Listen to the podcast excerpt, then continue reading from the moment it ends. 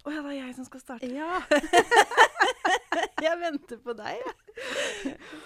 Du ser så innmari opplagt ut i dag, Stine. Eh, Jo takk, du. Jeg føler egentlig at det går oppover med det meste. Hvordan har du det selv?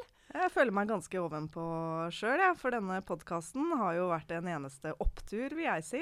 Ja, Så du føler ikke at du har kasta bort mye tid på å holde på med den podkasten, da? Og at arbeidet med den stjeler all tida di? Nei, tvert imot. Det har vært eh, en verdifull eh, investering. Jeg føler meg liksom så sinnssykt engasjert når jeg lager podkast med deg. Ja, og i dag så skal vi bruke den tida på å snakke om noe gøy igjen. Ja, vi skal rett og slett slå et slag for metaforene. For metaforene er nyttige verktøy i språket. Nemlig. Norskpraten En pod for oss som elsker norskfaget. med Maja Mikkelsen og Stine Brynildsen. velkommen til eh, Norskpraten. Som eh, dere sikkert har skjønt nå, så skal, er temaet for dagens episode det er eh, metaforer. Ja, og vi har jo forberedt oss litt sånn som vi pleier. Så Mhm. før vi begynner å snakke litt om hva metaforer er, og hva de kan brukes til, og eh, hvordan, hvorfor de er eh, relevante, da, ikke bare i faget norsk, men i andre fag òg, så kan Mhm. vi jo starte litt med å se, si litt om hva vi har lest i dag. For vi har jo forberedt oss litt sånn som vi pleier. Det har vi så Ja. godt vi kan. Ja. Em, vi har bl.a. lest en, et kapittel i en uh, bok som handler om metaforer, og du har tittelen på boka, Maja. Ja, Den uh, er skrevet av Norunn Askeland, som er en forsker som har forska veldig mye på metaforer. Så dette er absolutt ikke det eneste hun har skrevet, men den ligger ute på nett. Og den heter 'Metaforer i fagtekster og lærebøker. Retoriske og pedagogiske utfordringer'. Mhm. Eh, så den legger vi lenke til. Og i tillegg så kommer vi til å snakke litt om en eh, bok som er en klassiker. eh, skrevet på 80-tallet av Lakoff og Johnson, som har utvikla en hel metaforteori om hverdagsmetaforer, som på norsk heter 'Hverdagsmetaforer vi lever etter'. Ja. Hverdagslivets metaforer. Og så Mm. har jeg også tatt en liten titt på en uh, veldig ny bok som heter 'Metaforer'. Hva, hvor og hvorfor, som også er skrevet av Norunn Askeland sammen med Magdalena Agdestein. Og der er det bl.a. et interessant kapittel om visuelle metaforer. Ja. Ja. Og så har vi jo jobba mye med metaforer som norsklærere òg, så vi har vel Ja. litt, eh, litt erfaring eh, knytta til ja, det. sånn sett. Ja. Eh, men eh, hvis vi starter med å si litt om hva, hva er egentlig en metafor, da? ja. Eh, vi snakker jo Altså når vi tenker på metaforer, så vil jeg tro at vi ofte tenker på metaforer i eh, eh, skjønnlitteraturen. Sånne ting som at jeg kan si 'du er en rose'. Så det defineres på litt ulike måter. F.eks. at det er en sammenligning uten som eller Mhm. er lik. At man overfører noe da fra et område til et uh, annet. Uh, på gresk så uh, Det er et ord som stammer fra gresk, og meta betyr over, og ferein betyr å føre eller bære. Så det handler rett og slett om en eh, overføring, da. Fra noe til et annet. Ja. Og, og det som vi tenker, eller det som jeg òg syns har vært interessant med forberedelsen til den uh, podkasten her, og som jeg tenker er viktig, er at som du sier, ofte så tenker jo vi norsklærere, eller man tenker ofte når man hører på ordet metafor på skjønnlitteratur, Mm. men vi kommer jo til å snakke mest om de her hverdagslige metaforene, de som vi bruker hele tiden uten å, å tenke, tenke på det. Mm. Og det er jo også et av poengene i Askeland sitt kapittel, at det rett og slett ikke er mulig å komme utenom eh, å bruke metaforer. Det er ekstremt mange metaforer, altså hverdagsmetaforer, som gjennomsyrer eh, veldig mye av det vi skriver og sier. Sånne ting som tid er penger, slekt er et tre, ideer er mat, opp er godt, ned er dårlig. Vi skal komme tilbake til dem, men det preger hele måten vi tenker på det. da. Så det er Mm. nesten umulig å bruke språk uten å bruke metaforer. Når jeg leste om det her, så fikk jeg litt sånn eh, Da jeg var liten, så syntes jeg det var helt forferdelig å tenke på verdensrom og hvor uendelig verdensrom er. Så det er litt sånn samme følelsen jeg får når jeg leser om metaforer. At det, Det er enormt. det er ja. enormt, det slutter ikke, og vi kan ikke tenke, tenke å gjøre noe uten metaforer. Eh, og så er det jo en sånn fantastisk menneskelig egenskap, da, tenker ja. jeg. Fordi metaforer brukes jo veldig ofte til å gjøre det som vi opplever som abstrakt, til ja. mer konkret. Altså at man ja. bruker det for å forstå eh, verden, for å forstå um, konsepter og begreper, for å eksemplifisere. Og det tenker jeg er en ganske sånn fantastisk funksjon i menneskelig hjerne. At, man, ja. at vi har evnen til å tenke og bruke språket på den måten. Ja, Det er nettopp derfor det kan fungere godt i pedagogiske sammenhenger å bruke metaforer. Da, mm. Fordi at de kan nettopp gjøre det som ikke er uh, Det som er abstrakt, da. Mm. Mer, uh, mer konkret. Ja.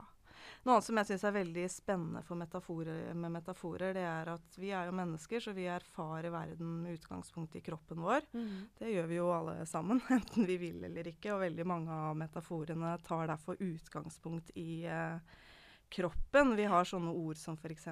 Eh, ja fjordarm eller knappenålshode, ja, eller vi sitter på stolen med stolbein. Ja. Det gjør vi nå. Mm. Sånn at, og det er, eh, det er, jo ord som er lagd med utgangspunkt i kroppen, og det trenger vi ikke på, da, for det har blitt en sånn naturlig del av språket. Det er jo det vi kaller for døde metaforer. Mm. Mm de som man ikke tenker over at er en metafor engang. Ja. Eller så finnes det jo også mange metaforer knytta til eh, krig og til data og til reiser. Altså livet er en reise, f.eks.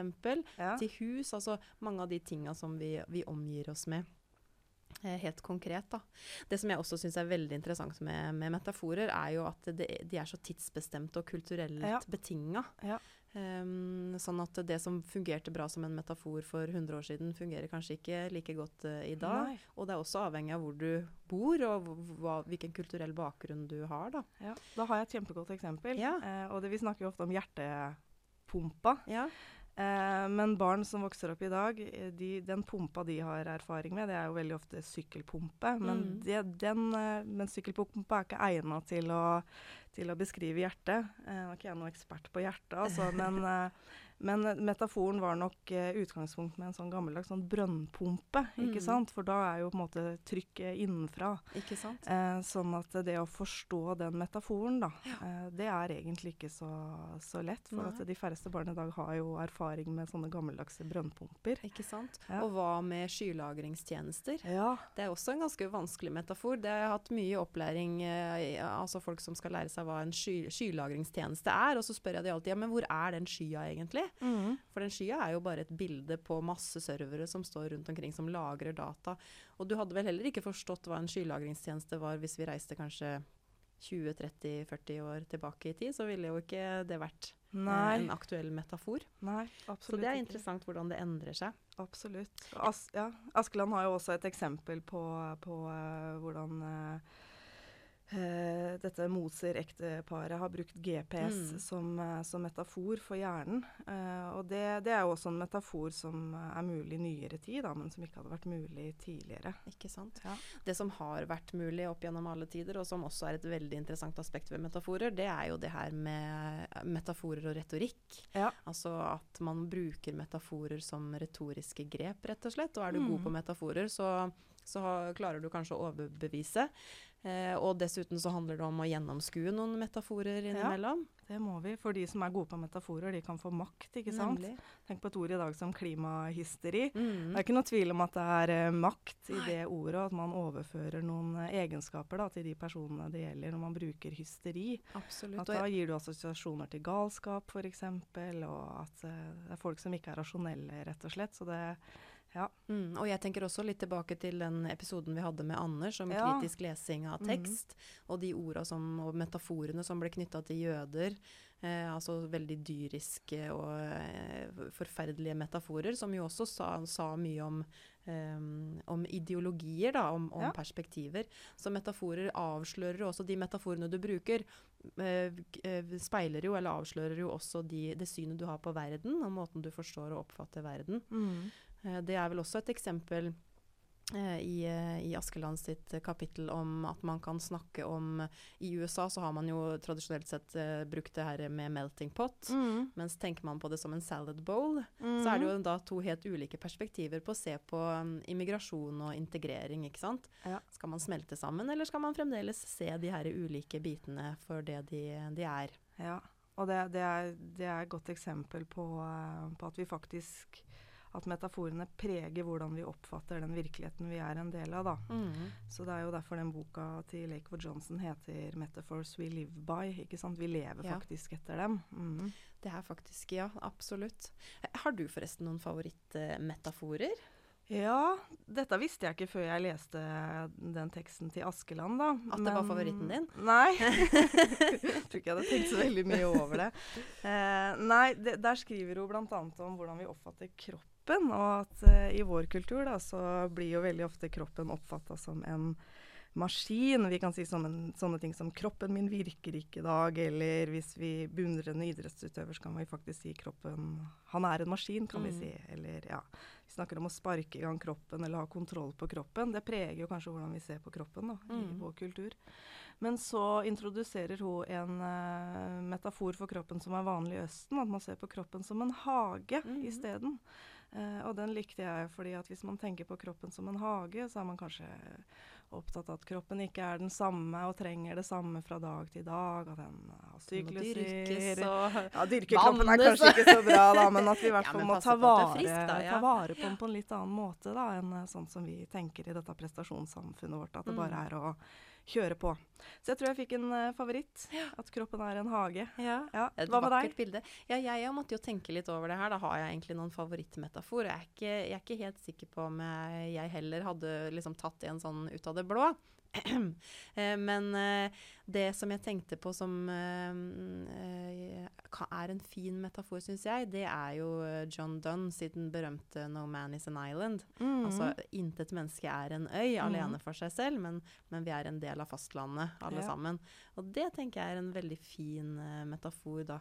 Fordi jeg tror jo på det at vi, vi er veldig tett knytta til hverandre og avhengig av hverandre. Mm. Så det tror jeg ble min, min nye favorittmetafor. mm. Men det som, eh, det som jeg også syns, hvis vi går litt tilbake til Lacoff og Johnson, som du nevnte, da, som har skrevet den her eh, metaforer vi lever etter, så sier jo de også det her med at det er viktig å, å, å være kritisk til og tenke over begrensninger ved de metaforene vi, vi bruker òg. Og det òg syns jeg jo er et godt, uh, godt poeng. Ja.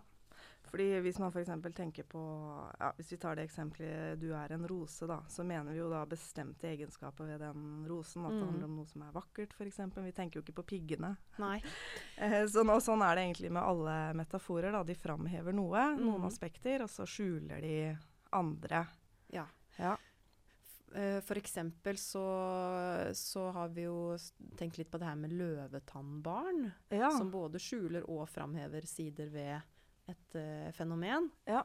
Um, opplever du det som en positiv eller negativ metafor, eller hva Jeg er du om litt, det? eh, Jeg er litt blanda, fordi at eh, løvetannbarn det er jo en måte å beskrive en gruppe barn da, som har på en måte klart seg til tross for uh, litt sånn tøffe oppvekstforhold. Mm. Vokse opp med rus eller uh, psykiatri f.eks. Ikke sant? Sånn at sånn sett så er det jo en positiv metafor. At det viser på en måte styrken mm. eh, til barnet. Det at løvetannen kan liksom presse Komme seg opp seg gjennom gjennom hvor ja. og klare seg liksom uansett, da. Eh, men det metaforen skjuler, da, det er kanskje det at man kan være sårbar, da. Mm. Eh, selv om man har sånne erfaringer. Mhm. Og så eh, hvis, eh, hvis alle de her barna her, alle er løvetenner, så sier metaforen kanskje også at de er veldig like. Eh, men jeg tenker at alle barn er vel forskjellige, da. Sånn at uh, metafor skjuler at barn kan være forskjellige, rett og slett. Ja. Og den type diskusjoner som det her, tenker jeg er kjemperelevant å ta i et klasserom, og Mhm. for å lære elevene til å både forstå de her begrensningene og mulighetene i en metafor, da, og for å kunne se maktperspektiver, og for å kunne se ideologier, og em, så det å lese metaforer, ikke bare, eller veldig ofte opplever jeg at vi jobber med metaforer når vi jobber med skjønnlitteratur, når vi leser dikt, Ja. men også det å liksom jobbe med metaforer. Vi jobber jo med det gjerne knytta til retorikk eller til argumentasjon og sånn men de her hverdagsmetaforene som vi omgir oss med, som også er med på å bestemme hvordan du forstår verden, tenker jeg er kjempeinteressant som lærer å ta opp. Ja, og det å da kunne hvis, hvis det er sånn da, som, uh, som Lakoff og Johnsen mener at, eh, eh, at metaforene faktisk preger virkeligheten vår og får direkte innvirkning på hvordan vi forstår virkeligheten. Så hvis vi skal kunne forandre virkeligheten da, på en måte som vi ønsker, så må vi finne opp noen nye? Metaforer. Mm, Ja, at, Da, ja. da spørs det om du er klimaoptimist eller klimapessimist eller For hysteriker eksempel. eller, Ja, eh, eller hva det må være. ja det, Um, det, det teller faktisk, da. Mm. Ja.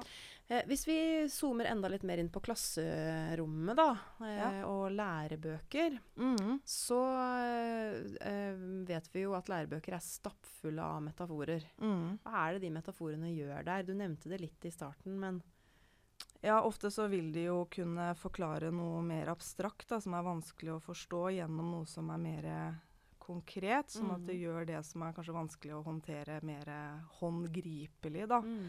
Eh, at man bruker, eh, bruker områder som er, eh, er tydelige, da. F.eks. Det, med- det med pumpa. Altså pumpa Mm. er jo fysisk konkret eh, gjenstand, mens eh, blodomløp og hjerte og sånn er mer eh, noe vi ikke ser, som er Ikke mer sant? kanskje diffust, da, fordi det er inni, Uh, inni kroppen. Ja. Og det som også nevnes i kapitlet til Askeland, og som jeg syns er interessant, er jo det at uh, det fins Altså metaforer er jo knytta til fag. Mm. Alle fag har Ja. sine metaforer.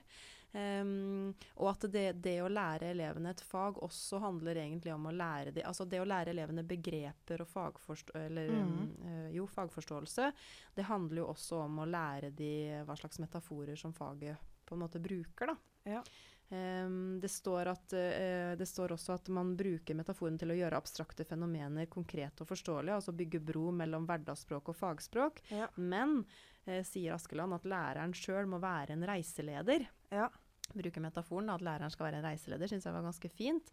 En som da eh, eh, skaper den her forståelsen og sammenhengen i faget med, med bruk av bl.a. metaforer som eksempler. Mm. Mm.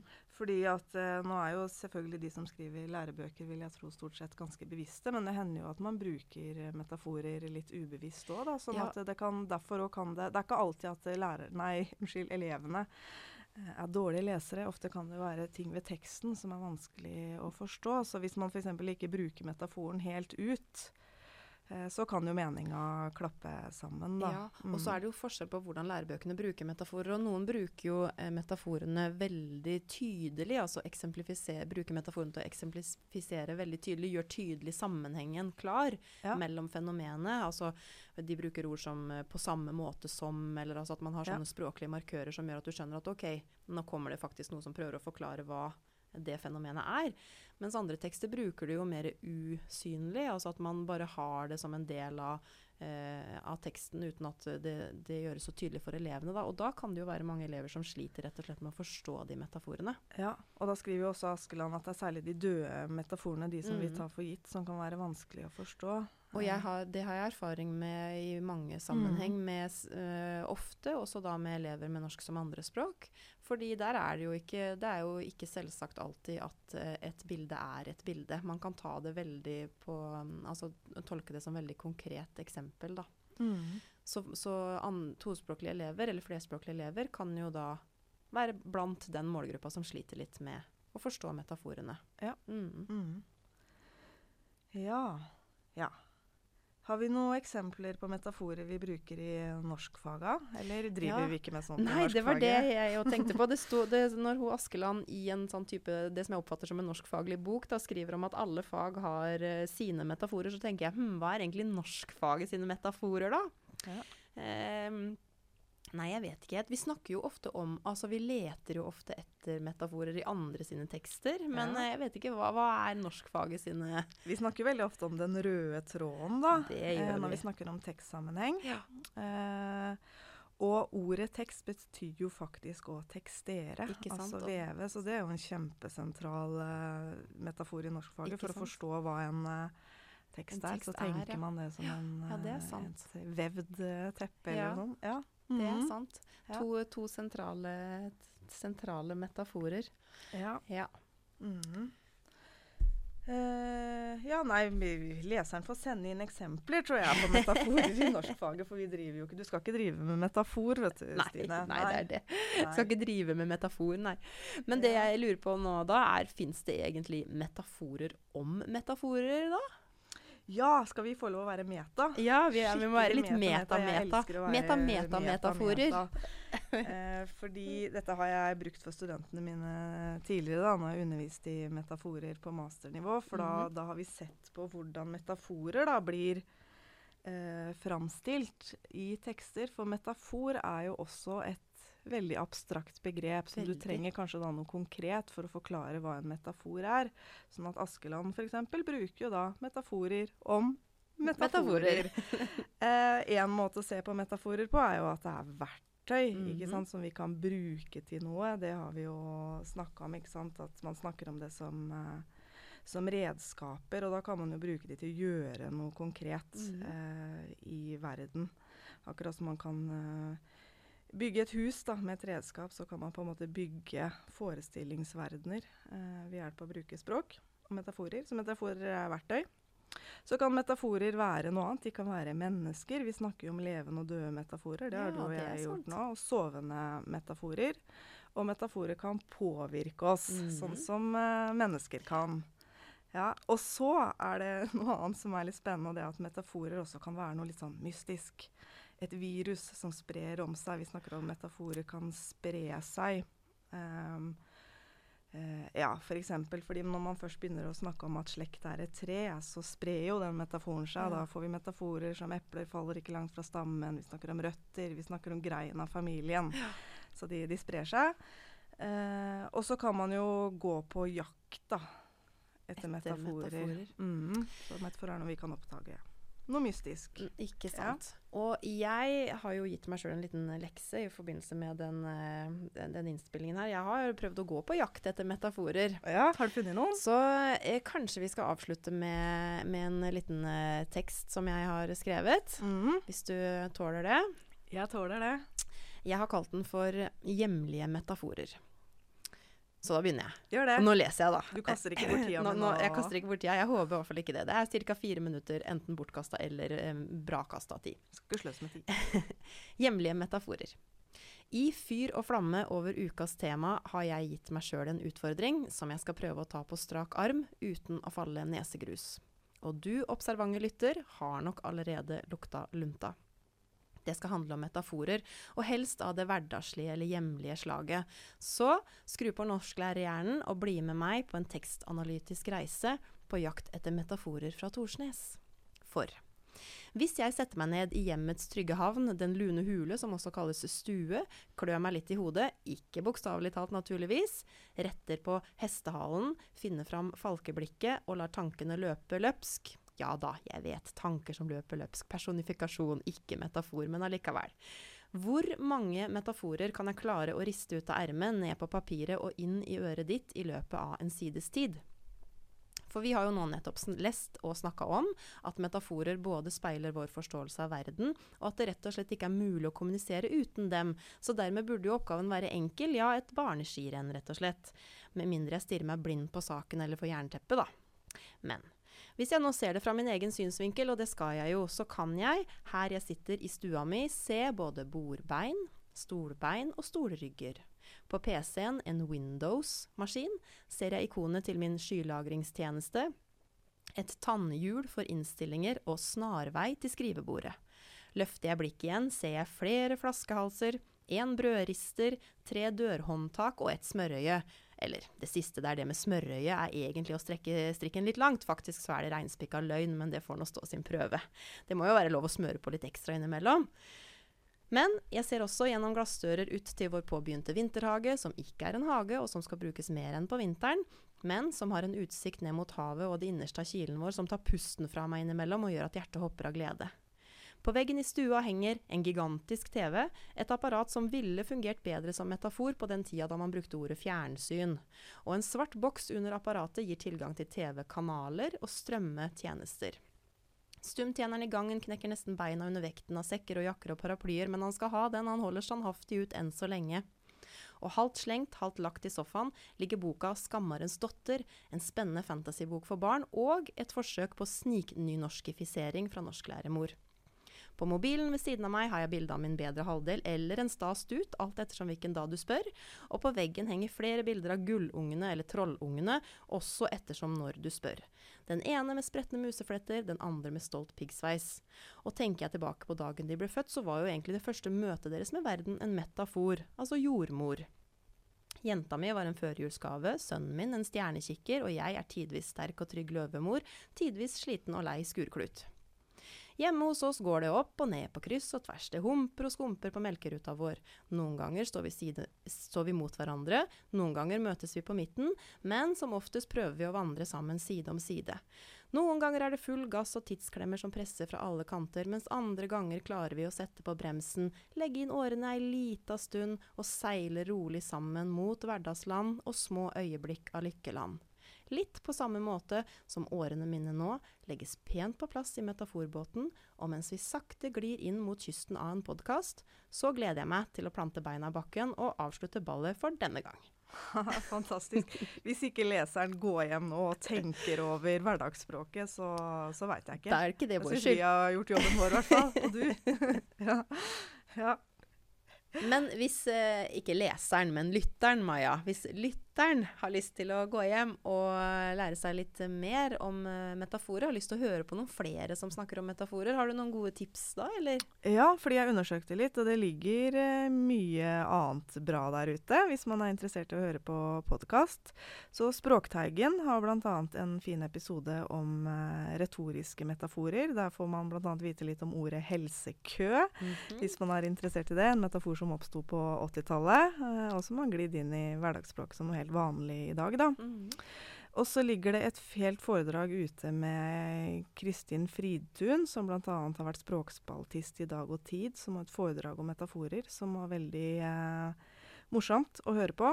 Og i tillegg så kom jeg over eh, en podkast fra Linköpings universitet, hvis man er litt mer interessert i forskning på metaforer, for der er det intervju med en forsker som har sett på hvordan kreftpasienter uttrykker eh, seg om eh, sykdommen sin i blogger, og hva slags metaforer de bruker. Og da kan jeg avsløre at det er mye kampmetaforer. da, At uh, det å ha en sykdom er en kamp. Mm.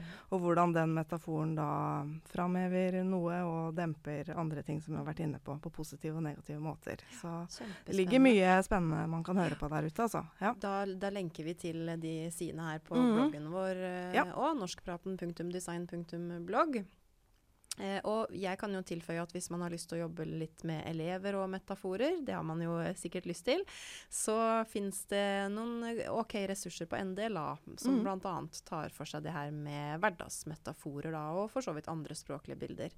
Eh, og NDLA, du bare går til ndla.no, og så søker du på metaforer, og så finner du både forklaringer og litt læringsstier og, og litt av hvert. Og eh, fordi at vi prøver jo å være litt eksemplariske i, i Vi er jo pedagoger til, i, i, ryggraden, er vi ikke det?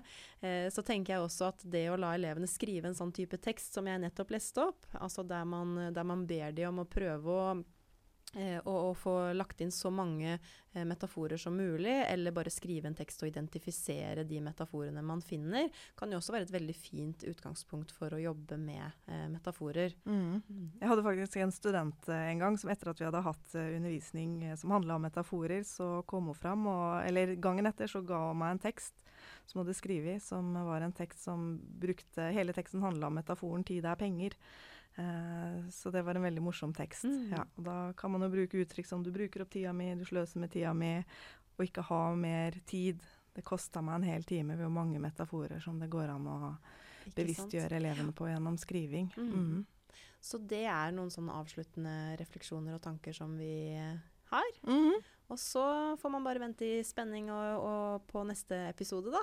Ja, ja, så håper vi ikke har kasta bort eh, lytterne sin tid. Nei, det får vi satse på. Ja. Norskpraten. En pod for oss som elsker norskfaget. Med Maja Mikkelsen og Stine Brynildsen.